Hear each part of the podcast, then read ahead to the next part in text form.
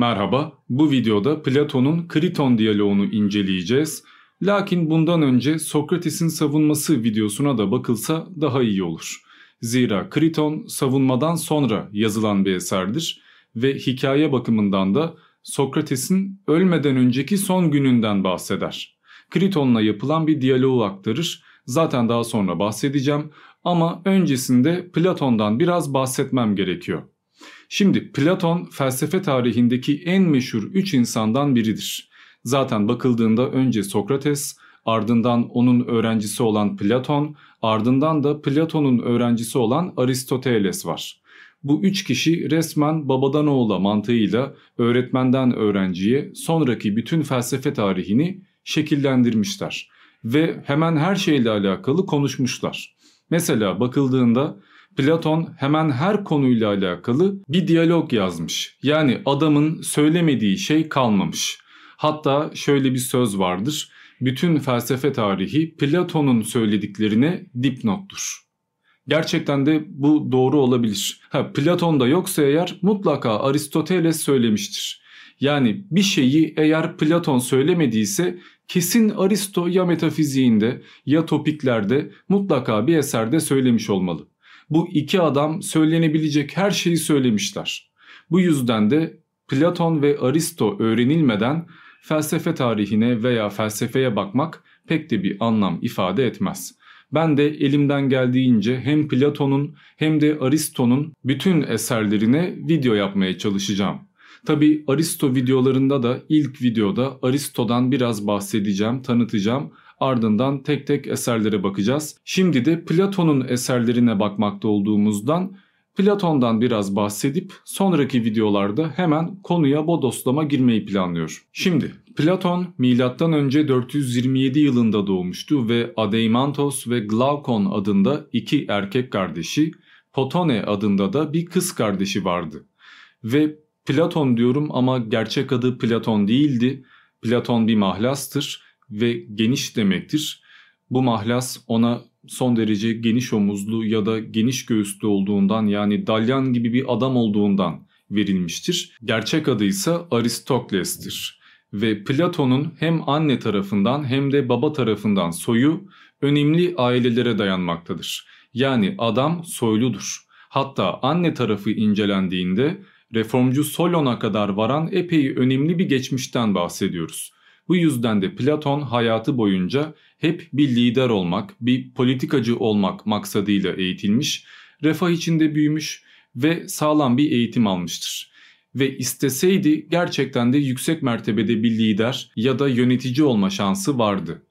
Ama o daha ziyade şiirle ya da işte tragedyalarla bu türden şeylerle yani edebiyatla ilgilenmişti ve hatta söylendiğine göre gençlik yıllarında birkaç tane deneme yazmıştı. Ama Sokrates'le tanıştıktan sonra bütün bunları yakmış ve bakıldığında gençliğinde Heraklitosçu öğretmenler tarafından örneğin Kratilos tarafından eğitim almış ve Pisagorcularla tanışmış. Onlardan da epey etkilenmiş ki zaten felsefesine bakıldığında hem Heraklitos'tan hem de Pisagor'dan bir takım izler görmekteyiz.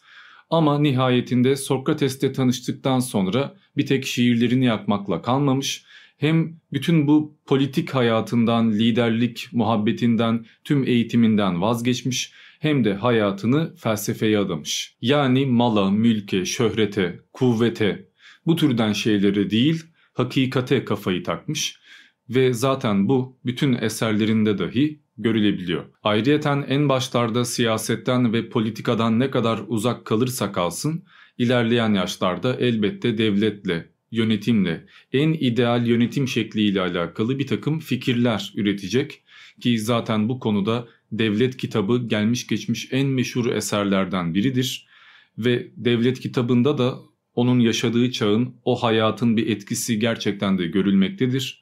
Zira Platon öyle mükemmel bir demokrasiyle veya mükemmel bir yönetimle, mükemmel bir sistemde yaşamamış, Atina'nın en yüksek, en altın çağına denk gelmemiş, daha ziyade çöküşten sonraki o toparlanmaya çalışılan ve sürekli darbe yapılan ya da başarısız yöneticilerle sürekli halkın meşgul edildiği ve kandırıldığı bir çağa denk gelmiş.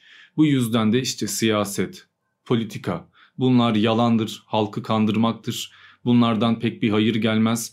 Eğer başa bir lider gelecekse gerçekten de böyle peygamber gibi, ilah gibi, hiçbir hatası olmayan ve kendini her alanda geliştirmiş mükemmel bir adamın gelmesi lazımdır. Ki bu Platon'un eserlerinde filozof kral diye ifade edilir ve bütün bu mantık, bütün bu hayal diyelim, ütopya bundan sonraki videolarda da karşımıza çıkacaktır. Ki bu epey normaldir zira bütün bu muhabbetler üzerine bir de adam en sevdiği hocasını yani Sokrates'i idam edilirken görüyor. Yani bakıldığında Sokrates demokrasi yöntemiyle idam ediliyor. Oy çokluğuyla adamın öldürülmesi gerektiğine karar veriyorlar ki bu da bir yozlaşmadır ve bu yüzden de Platon epey bir demokrasi düşmanlığı yapmıştır. Platon, Sokrates idam edildikten sonra 12 yıl boyunca uzun bir yolculuğa çıktı ve örneğin Megaralı Öklid'in yanında 12 yıl boyunca kaldı. Devamında geometri ve matematik öğrenmek için Mısır'a gitti ya da diğer alanlarda kendini eğitmek amacıyla İtalya taraflarında ikamet etti. Ki zaten Pisagorcularla da orada tanıştı aslında zira Pisagorcular bütün cemiyet tasfiye edildikten sonra o bölgelere kaçmak zorunda kalmışlardı. Zaten Pisagor'la alakalı videom var merak edenler bakarlar. Ama nihayetinde Sokrates'ten sonra Platon gerçekten kendini eğitmeye kalkmış ve bu esnada diyaloglar yazmaya başlamıştır. Zaten bu yüzden kendini eğitmesi esnasında yazdığı diyalogların da profesyonelleştiğini görüyoruz. Platon genelde bütün kitaplarında diyalog formatını kullanmıştır. Yani birkaç tane karakter vardır ve bu karakterler belli bir konu hakkında tartışırlar. Bir grup bir kişi A tarafını sembolize ederken karşıdaki adam B tarafını sembolize eder. Üçüncü ve dördüncü karakterlerse daha ılımlı veya farklı perspektiflerden yaklaşmaya çalışırlar. Yani bir konu incelendiğinde verilebilecek hemen her cevap orada masaya yatırılır ve her cevabın antitezi yani karşılığı diğer karakterler tarafından ortaya atılır. Bu yüzden de Platon kitapları okunduğunda aslen aklınıza gelen birçok şeyi birkaç sayfa sonra karşınızda görmeniz mümkündür. Platon'dan bize yaklaşık 30 tane diyalog kalmıştır ve bu diyaloglar hem fikir bakımından hem edebiyat seviyesi bakımından hem de yazım devrine göre üçe ayrılmışlardır. Gençlik diyalogları, olgunluk diyalogları ve yaşlılık diyalogları. Bir de işte gençlikten olgunluğa geçiş, olgunluktan yaşlılığa geçiş gibi ara dönem diyalogları vardır ki merak etmeyin zaten hepsine bakacağız. Söylendiğine göre Platon Sokrates öldükten sonra hem Atina'ya gittiğinde hem Mısır'a gittiğinde yani bu gezme ve kendini eğitme esnasında birçok olay yaşamış. Mesela 1. Dionysios'un sarayına davet edilmiş ve orada gerçekten refah içinde ve saygı görerek yaşamış. Ama şu filozof kral fikrini hayata geçirmek istediğinden oradaki politikaya yönetime biraz dahil olmaya başladığında okları üzerine çekmiş ve saraydan kaçmak zorunda kalmış. Ama kaçarken de Atina ile savaşmakta olan Egina topraklarından geçmek zorunda kalmış ve oradan geçerken esir alınmış ve ardından köle pazarına çıkarılmış ama söylentiye göre tam da o esnada şansa arkadaşlarından birisi olan Elisli Thedon tarafından ya da Pisagorcu olan Arkitas tarafından satın alınmış. Yani özgürlüğüne kavuşturulmuş ve görüldüğü kadarıyla gerçekten de bu kurtarılma muhabbeti yaşanmış ki Platon para biriktirmiş ve kurtarılma karşılığında ödenen parayı artık hangi arkadaşı kurtarmışsa vermek istemiş. Yani borçluk almak istememiş. Ama o arkadaşı parayı kabul etmemiş ve Platon madem öyle ben de eğitime, irfana, ilime adayayım bir işe yarasın diyerek kahraman Akademos'un mezarının yakınındaki bir bölgede Akademi adındaki okulunu kurmuş. Kimi kaynaklar Platon o civarda bir bahçeyi satın aldı ve okulunu oraya kurdurdu derler. Kimi kaynaklarsa ya zaten orada bir yerleşke bir bina vardı. Platon da orayı kiraladı yani bir kurdurma bir şey yapma bir inşaat ya da satın alma durumu yok derler. İki türlü de Platon buraya bu okulu kurduktan sonra her şey değişmeye başlıyor. Zira akademi bugün dahi aynı anlamda kullandığımız üzere antik çağdaki ilk yüksek okuldur. Platon'un akademisi milattan sonra 529'da Roma İmparatoru tarafından kapattırılana kadar en önemli okullardan birisi olarak kalmıştır. Yani yaklaşık bin yıl boyunca antik çağın en önemli figürü olmuştur. Ama ardından tabi Orta Çağ ile beraber ne okul kalmıştır ne felsefe. Tabi Orta Çağ'ın da kendine özgü bir felsefe anlayışı vardı. Yani bu adamlar komple hani bataklık içinde yaşamıyorlardı ama bakıldığında antik Yunan'daki ortam artık kalmamıştı. Ve söylendiğine göre Platon okulunun girişine geometri bilmeyen giremez yazdırmıştı ve geometriyi en önemli eğitim alanlarından birisi saymıştı. Ki bu da Pisagor'dan kalmadır. Zira Pisagor'da sayılar, semboller, geometri, matematik bunlar kutsaldır. Ama neyse o kadar da uzatmayalım. Şimdi bu diyalogda Sokrates'in yakın arkadaşlarından birisi olan Kriton, Sokrates idam edilmeden bir gün iki gün önce onunla konuşmaya geliyor ve onu kurtarmak için bir takım tekliflerde bulunuyor. Zira Sokrates hemen idam edilmemişti. O idamını yaklaşık bir ay beklemişti. Bunun da sebebi bayramdı. Delos adası vardır. Attika Deniz Birliği'nin hazinesinin saklandığı adadır. Epey kutsaldır ve o adaya ziyarete gidildiğinde giden gemi gelmeden herhangi bir idam gerçekleştirilmez. Ve festivaller, kutlamalar, bayramlar yapılır. İşte Sokrates'in de idamı bu döneme denk gelmiştir ve geminin gelmesi yaklaşık bir ay sürmüştür. Sokrates hücrede beklerken gemi ne zaman geliyor, ne zaman idam edilecek tam da bunu bilmiyor ama Kriton ona yeyvah gemi yarın geliyormuş, yarın idam edileceksin diyerek kötü haberi veriyor. Sokrates ise yok ben rüyamda gördüm beyaz kıyafetli bir peygamber veya kahin diyelim bana iki gün sonra öldürüleceğimi söyledi. Bu yüzden de hani yarın ölmeyeceğim korkmana gerek yok diyor. Bu ne kadar doğru bilmiyoruz ama zaten diyalog kurgu. Yani bakıldığında Kriton evet Sokrates'te yakın arkadaş hatta epey zengin bir adam ve 17 adet eser yazdığı söylenmektedir. Yani felsefeyle falan epey ilgilendiği aktarılmaktadır. Gerçi Platon bunu yalanlar ya o adam felsefeden gram anlamayan cahil bir adamdı der. Ama bakıldığında neticede Sokrates bakımından epey önemli bir adam olduğu görülmektedir. Ve muhtemelen gerçekten de Sokrates idam edilmeden önce Kriton onunla konuşmaya gitmiştir. Lakin şuradaki diyalog tam anlamıyla yaşandı mı bilmek mümkün değildir. Ve diyaloğun geçtiği fragmanlar 43A'dan 54E'ye kadardır. Yani 11 tane fragmandan bahsediyoruz. Bunlar zaten A, B, C, D diye ayrılıyor.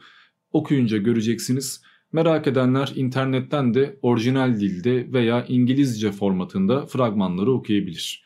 Yani PDF kitap bulmanız gerekmiyor zaten bütün fragmentler internette var. Neyse diyaloğa başlayalım artık. Şimdi 44B'de şöyle bir muhabbet var. Sokrates, beni dinle de kurtulmaya çalış. Öldüğün takdirde sadece benzersiz bir dostu yitirmekle kalmayacağım, başka bir felaket daha yaşayacağım. İkimizi de iyi tanıyanlar para verip seni kurtarmak elimdeyken bunu yapmaktan kaçındığımı sanacaklar. Bir insan için dostlarından çok parasına bağlı gibi görünmek kadar utanç verici bir şey olabilir mi?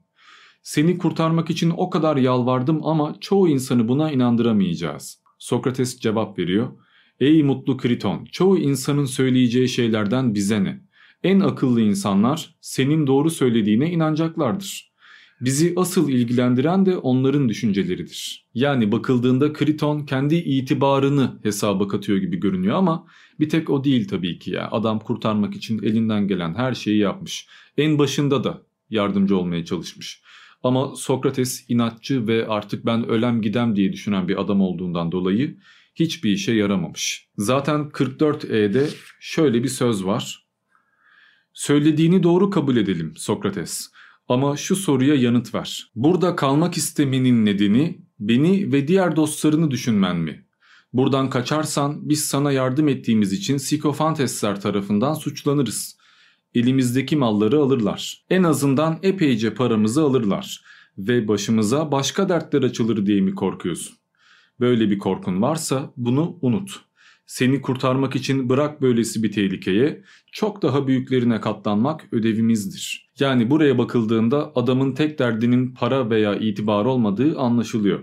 Bir yandan sikofantes diye bir kelimeden bahsettim. Bu da antik Yunan'da bir meslek gibi bir şey. Yani bazı insanlar var ve tek işleri insanları mahkemeye vermek. Bu şöyle bir hata yaptı, bu şurada şöyle bir yolsuzluk yaptı, bu şurada şöyle bir kavga çıkardı, bu adam şöyle şöyle fena, hafiye gibi. İşte bizler de eğer Sokrates'i kurtarırsak bazı insanlar skofantesler acaba Sokrates'e kim yardım etmiş olabilir diye onun etrafındaki bütün insanları en yakın olduğu arkadaşlarını soruşturmaya, sorgulamaya ve mahkemeye vermeye başlarlar ve biz Sokrates'i kurtaracağız diye birçok kişi bir sürü belayla uğraşmak zorunda kalır. Bu yüzden de hani Sokrates ya eşimize dostumuza bir halal gelmesin kimseye zararımız dokunmasın diye mi acaba kurtulmak istemiyor? Burada bu problem tartışılıyor ve Kriton şöyle bir şey söylüyor. Bunu kendine dert etme Sokrates. Seni buradan kaçırıp kurtarmamız için istenilen para fazla bir şey değil. Skofantes'lere biraz para verdiğinde susarlar. Bunu bilirsin. Ne kadar malın mülkün varsa hepsi sana ait.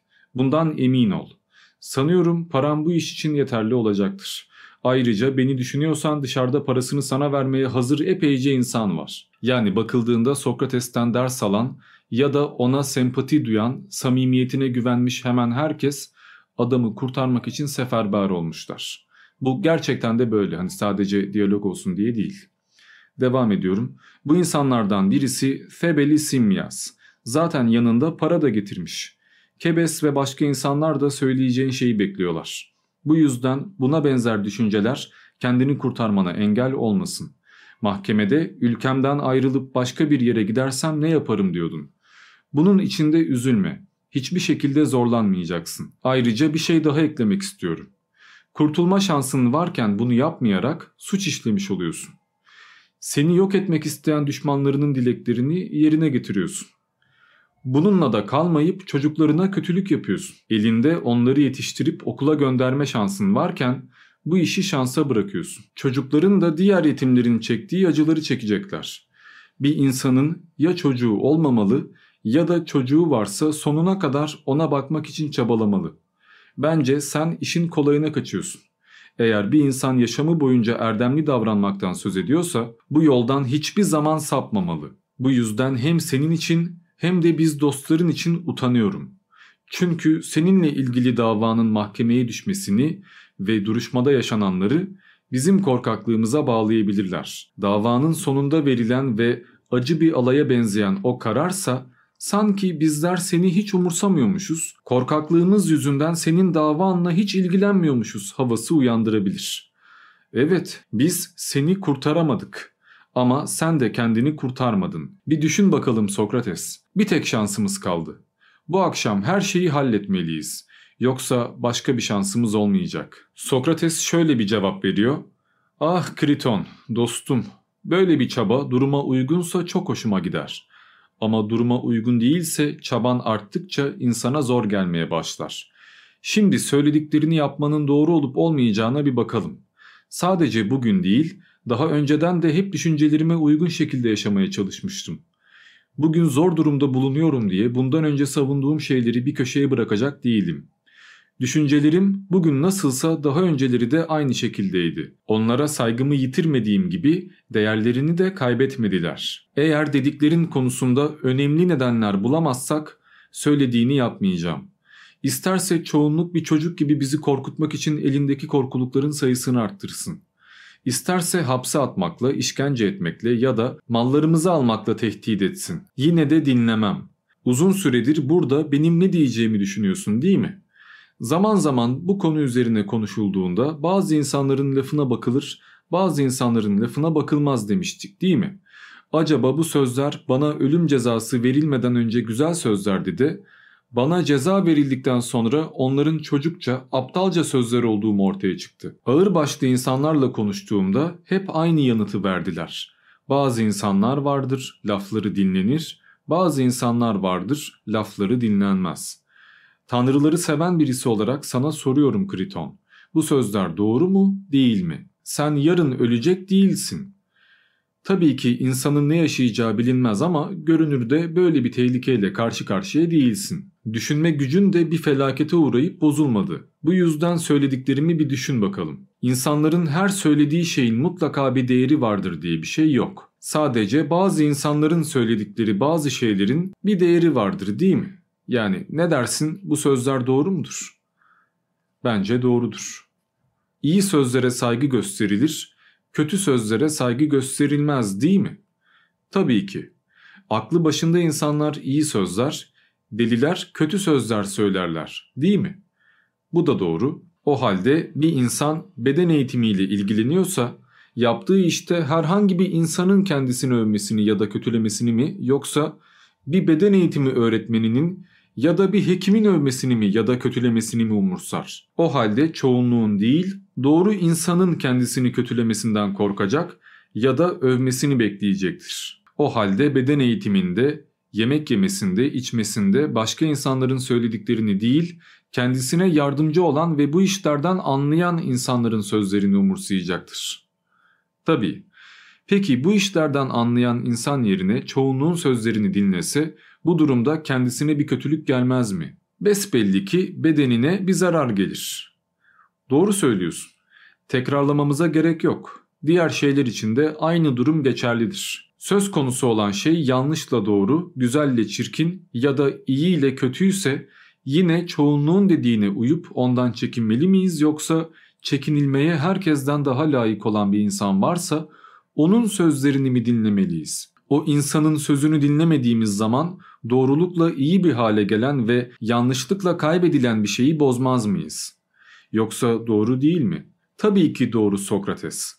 O halde bilmeyen insanların lafını dinlersek sağlığımıza dikkat ettiğimizde iyileşen, dikkat etmediğimizde hastalanan şeyi yıkmış oluruz. Bahsettiğim şey bedenimizdir. Peki hastalıklı ya da bozulmuş bir bedenle yaşanabilir mi? Yaşanamaz. Peki yanlış olan şeyin kötüleştirdiği, doğru olanın da iyileştirdiği şeyi bozarsak yaşayabilir miyiz? Bu yanlışlık ve doğrulukla ilgili olan şeyi bedenimizden daha aşağı seviyede mi kabul etmek gerekir? Tabii ki hayır. Tabii çünkü daha değerlidir değil mi? Elbette çok daha değerlidir. O zaman sevgili dostum, çoğunluğun ne diyeceğiyle ilgilenmeyelim. Bunun yerine doğruyla yanlışı ayırt edebilen kişinin, hakikatin ne olduğunu bilen kişinin ne dediğine bakalım. Biraz önce adalet, iyilik, güzellik ya da bunların tersi olan şeylerden bahsettiğimiz zaman çoğunluğun ne söyleyeceğini dikkate almamızı söyleyerek yanlış bir şey söylemiş oldun. Birisi kalkıp çoğunluğun bizi öldüreceğini söyleyebilir. Tabii ki söyler Sokrates. Doğru ama deminden beri konuştuklarımızın değeri gözümde değişmedi. Eskiden ne söylediysek halen aynı şey geçerli. Şimdi şunu inceleyelim. Çok yaşamaktansa iyi bir biçimde yaşamak daha iyidir. Sözünü doğru kabul ediyor muyuz? Yoksa bu yanlış mı? Bence doğru. İyi, güzel ve doğru olan şeyin aynı olduğunu kabul ediyor muyuz? Kabul ediyoruz. O zaman ikimizin de doğru kabul ettiği şeyler üzerinden düşünmek lazım. Atinalılar buradan çıkmama izin vermezken benim kaçmaya çalışmam doğru olur mu? Olur diyorsak tartışmaya devam edelim. Olmaz diyorsak tartışmayı bırakalım. Biraz önce bu iş için ne kadar para harcanacağından, çoğunluğun ne söyleyeceğinden ve çocukların yetiştirilmesinden söz ettin. Şimdi şunu düşün Kriton. Bir insanı düşünmeden öldürenler hatta aynı insanı düşünmeden ellerinde olsa diriltebilecek olanlar da aynı şeyi düşünmezler mi? Düşüncemize göre şimdi incelememiz gereken bir şey var. O da biraz önce söylediğim şey. Benim buradan kaçmamı sağlayacak olanlara para vererek yani onlardan böyle bir iyilik görerek doğru bir iş mi yapmış oluruz? Yoksa yanlış bir iş mi yapmış oluruz? Eğer bunu yanlış buluyorsak ölmeye de burada kalmaya da başımıza gelebilecek olan diğer kötülüklere de katlanmamız gerekir. Çünkü başımıza gelen kötülükler yanlış bir iş yapmamızdan daha iyidir. Yani doğru olan candan dahi kıymetlidir. İdealler bireylerden daha kıymetlidir. Yani dava adamlığı da böyle olur. Bu yüzden de Sokrates eğer yasalar benim ölmeme karar verdiyse bu durumda ölmem gerekir. Yasalar yanlış karar dahi verseler, hatalı dahi davransalar bir tek ben kendimi kurtaracağım diye yani beni kurtarmak maksadıyla hatalı olduklarını söylemek ve yasaya zarar vermek ya da yasanın kutsallığına, değişmezliğine ve adaletine güvenmemek, onu lekelemek yanlıştır. Zira benim kurtulmam dahilinde bu durumda yasalar zarar göreceklerdir ve ben yasalardan daha üstün değilim. Eğer yasada bir hata varsa, gerçekten de değişmesi gereken bir şey varsa bunu devlet adamları yani üst mertebede olanlar reformlarla, önergelerle, tartışmalarla zaten tespit ederler ve değiştireceklerdir. Ama sırf ben ölmeyeyim, ben kurtulayım diye kaçarsam, yasayı esnetirsem veya yasa ihlali yaparsam ya da yasanın değiştirilmesi talebinde bulunursam ki yeterince kuvvetliysem, zenginsem ya da üst mertebedeysem yapmam bir yerde mümkündür. Bu adaletsizlik olur.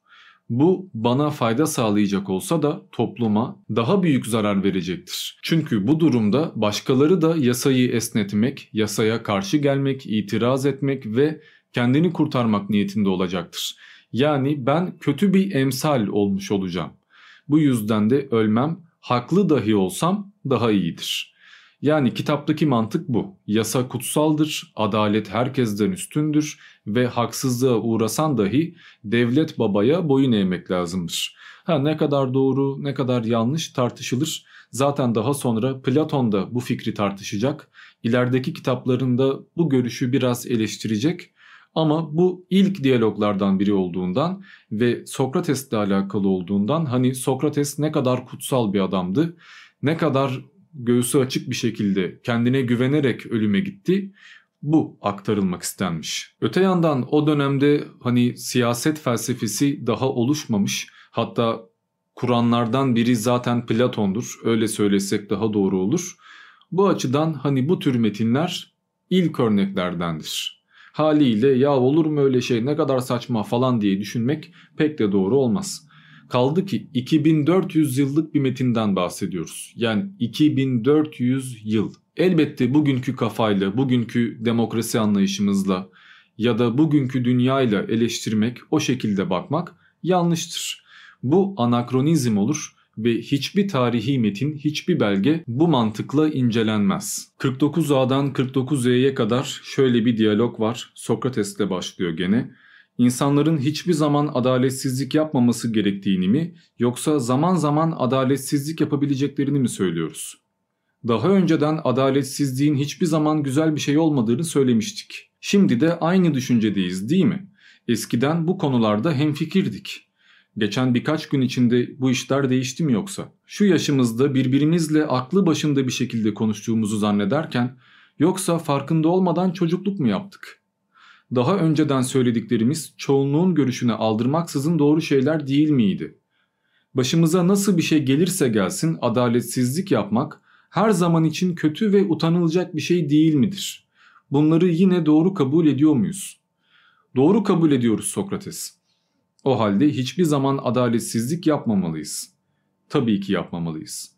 O zaman çoğunluğun sandığının aksine insan hiçbir zaman yani kendisine adaletsizlik yapıldığı zaman bile adaletsizlik yapmamalı. Doğru bir şey bu. Kötülük yapmaya geçelim Kriton. İnsanlar kötülük yapmalı mıdır, yapmamalı mıdır? Tabii ki yapmamalıdır Sokrates. Peki sana kötülük yapıldığı zaman buna kötülükle karşılık vermek çoğunluğun sandığı gibi doğru bir şey midir? Hayır, değildir. Doğru değildir çünkü bir insana kötülük etmek ve adaletsizlik yapmak her zaman aynı şeydir. Doğru söylüyorsun. O halde bize adaletsizlik yapıldı diye adaletsizlik yapmamalıyız.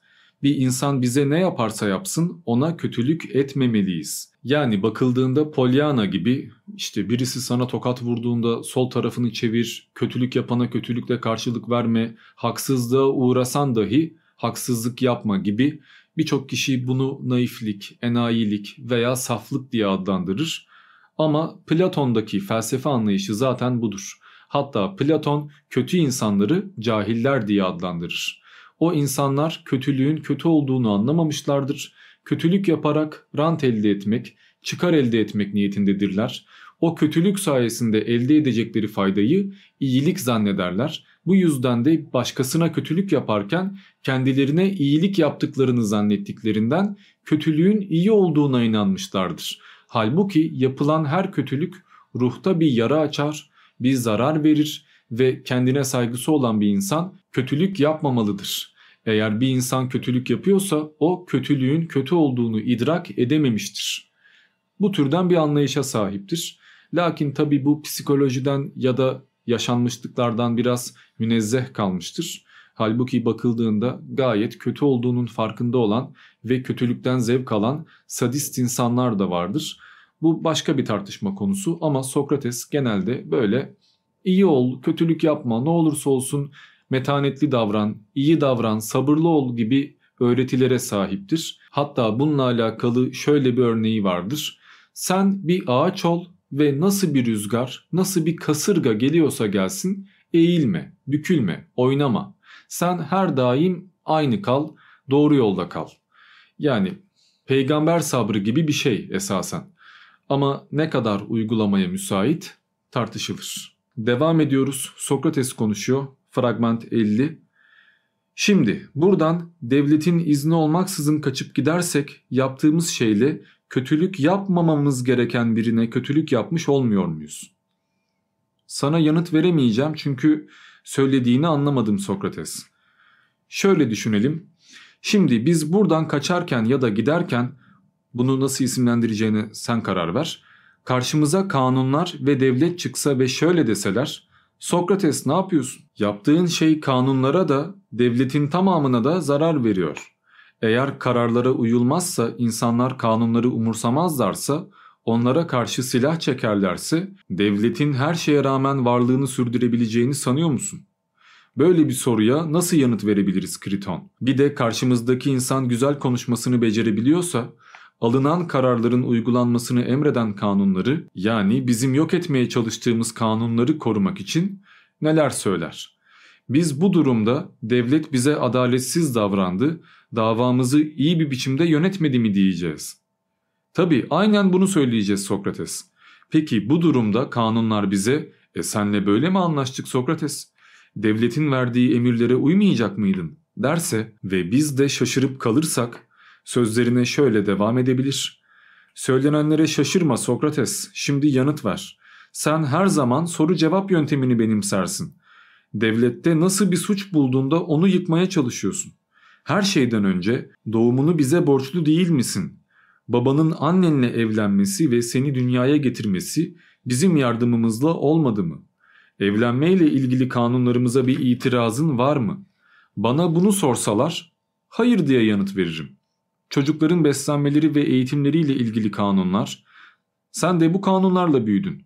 Babana sana beden eğitimi ve müzik öğretmesini emrettiğimiz kanunlar kötü müydü diye sorsalar iyiydi diye yanıt veririm. O halde bizler senin doğmanı sağladık. Seni besledik ve yetiştirdik. Senin de atalarının da bizlerin çocukları, köleleri olmadığını söyleyebilir misin?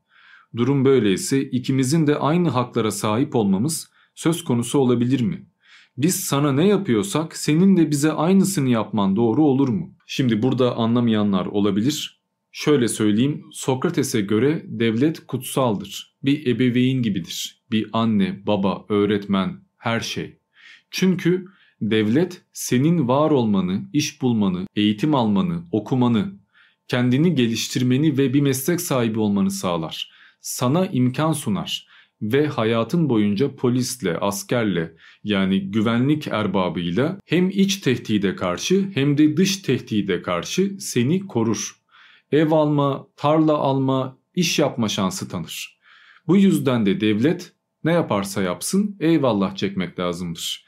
Zira bu hayat, bu yaşam, bu standartlar o devlete aittir. Eğer devlet daha kötü olsaydı veya daha zayıf bir ülke içinde yaşıyor olsaydın daha kötü bir hayatın olacaktı. Yani bütün konfor, bütün o bilgi birikim, o mevki her şey devlet tarafından sağlanmıştır. Ha devlet bireyler olmadan ayakta kalamaz. Yani devleti, o kurumu bireyler, vatandaşlar korumaktadır. Ama vatandaşları da devlet korumaktadır. Yani burada döngüsel bir etkileşim vardır.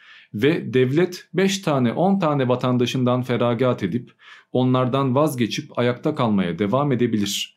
Yani devlet o 4 kişiye 5 kişiye muhtaç değildir. Ama o 4 kişi 5 kişi o devlet olmasa dahi başka bir devlet tarafından korunmak zorundadır.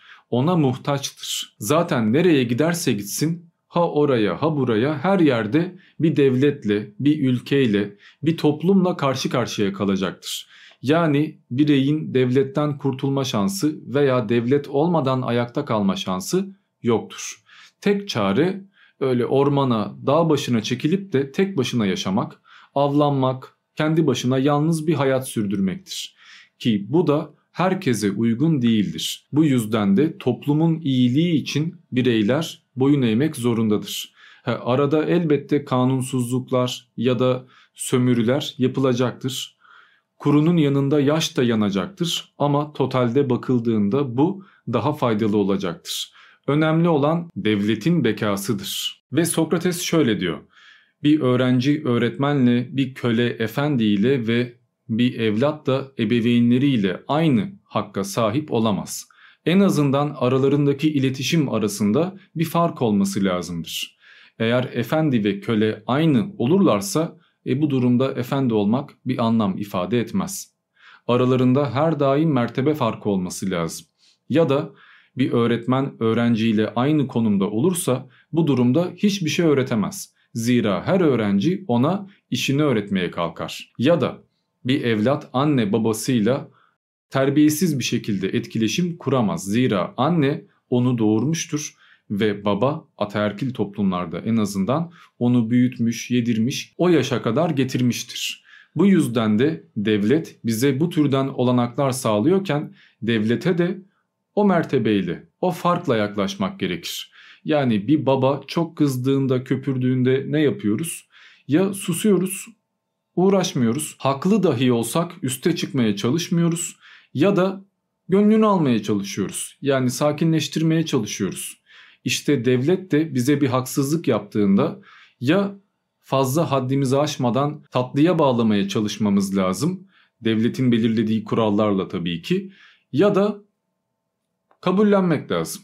Aksi halde bu anarşi, isyankarlık, hainlik veya nankörlük olur. Bu yüzden de Sokrates diyor ki ben her ne kadar haksızlığa uğramış olsam da şu anda devlete karşı bir isyanda bulunmak, buradan kaçmak veya sırf ölmeyeyim diye yasayı çiğnemek, tüm ideallerimi ayaklar altına almak yanlıştır. Bu hem kötü örnektir, insanlar bana bakar ve aynı şeyi yapmaya kalkarlar, hem de daha fazla kişiye zarar vereceğinden ahlaklı bir tarafı da yoktur. Haliyle ben kaçmıyorum kardeşim. 51C'de şöyle bir örnek veriyor bununla alakalı. Şimdi devlet bizden istediğinde savaşa gidiyoruz değil mi? Askerlik yapıyoruz. Ve orada ya öldürüyoruz ya da ölüyoruz. Ve genelde savaşlar ya kendini korumak için ya da fetih yapmak için ortaya çıkarlar. E bu durumda mahkemede de aynı şeyi yapmak niçin kötü olsun? Devlet benden isteseydi savaşa gidecektim ve ölecektim. E, şimdi devlet benden tekrar ölmemi istiyor. Ayrıyeten kaç yaşına gelmişim yani bu saatten sonra kaçsam ne olur? 70 yaşında adamım. Maksimum 5 yıl 10 yıl daha yaşayacağım. Ve 5-10 yıl daha yaşamak için hem adım hain olacak hem kaçmış olacağım, yasayı çiğnemiş olacağım, kötülük yapmış olacağım hem de hayatım boyunca saklanmak veya korku içinde yaşamak zorunda kalacağım. Eğer kişi illa da vatanını terk etmeyi göze alıyorsa e bu durumda işler mahkemelik, idamlık olmadan bunu yapmak lazım. Memnun değilsen kardeşim, beğenmiyorsan o devleti, o ülkeyi, o siteyi yani şehir devletini bu durumda başka bir bölgeye git. Başka yasalarla, başka devletle, başka hükümetle muhatap ol. Onu da beğenmiyorsan başka yere git. Ha, zor mu zor ama hangisi daha kıymetli? Ona kendin karar ver. Eğer o şehirde, o ülkede yaşamaya devam ediyorsan bu durumda o kanuna, o yasaya riayet etmek zorundasın. Etmiyorsan da kendi bildiğini okuyorsan da şikayet etmeyeceksin. Tabi bunlar biraz bağnaz görüşler. Yani pek de makul değil. Siz de fark etmişsinizdir. Ne devletçi adammış ya falan diye düşünmüşsünüzdür. Ama zaten önemli olan bunun doğru veya yanlış olması değil. Bu görüşün olabildiğince mantıklı bir şekilde karşı tarafa sunulması. Yani okuyan kişinin hakikaten de öyle galiba ya deyip düşünmeye başlaması ya da katılmıyorsa da bir antitez öne sürmesi. Her halükarda kafayı çalıştırması. Bu açıdan Platon kitapları gerçekten mükemmel. Bir de Sokrates'in şu devletçilik anlayışı Atina'ya aşık olmasından da kaynaklanıyor.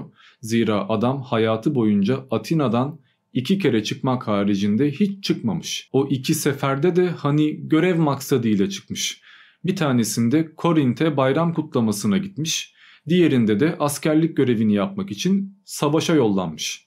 Yani onun haricinde adam hayatı boyunca hep Atina'daymış ve Atina'ya gerçekten de tapıyormuş. Bu yüzden de yani 5 yıl daha yaşayayım diye ben bu şehri terk etmem. Bu şehirde adımı haine çıkarmam. Eğer ben o kadar ölümden korkmuyorum, bir insan hakikat uğrunda ölüme gitmeli, korkmamalı, bizim yaşımızdaki insanlar öyle kıvırmamalı dedikten sonra ölüm korkusuyla buradan kaçarsam zaten tüm hayatım boyunca inşa ettiğim şeyi kendi elimle yıkmış olurum ve onca insan o saatten sonra bir daha bana bugün duydukları gibi saygı duymazlar. Her zaman korkusundan kaçmış bir adam diye hatırlanırım. E, bunu da istemiyorum. En azından öleceksek edebimizle ölelim de namımız yürüsün. Aynen böyle diyor ve gerçekten de namı yürüyor. Bakın ya 2400 sene oldu halen daha Sokrates'ten Platon'dan bahsediyoruz. Bahsetmeye de devam edeceğiz. Daha 30'a yakın eser var. Öyleyse şimdilik bu kadar. Ben Diamond. Diğer videolarda görüşmek üzere.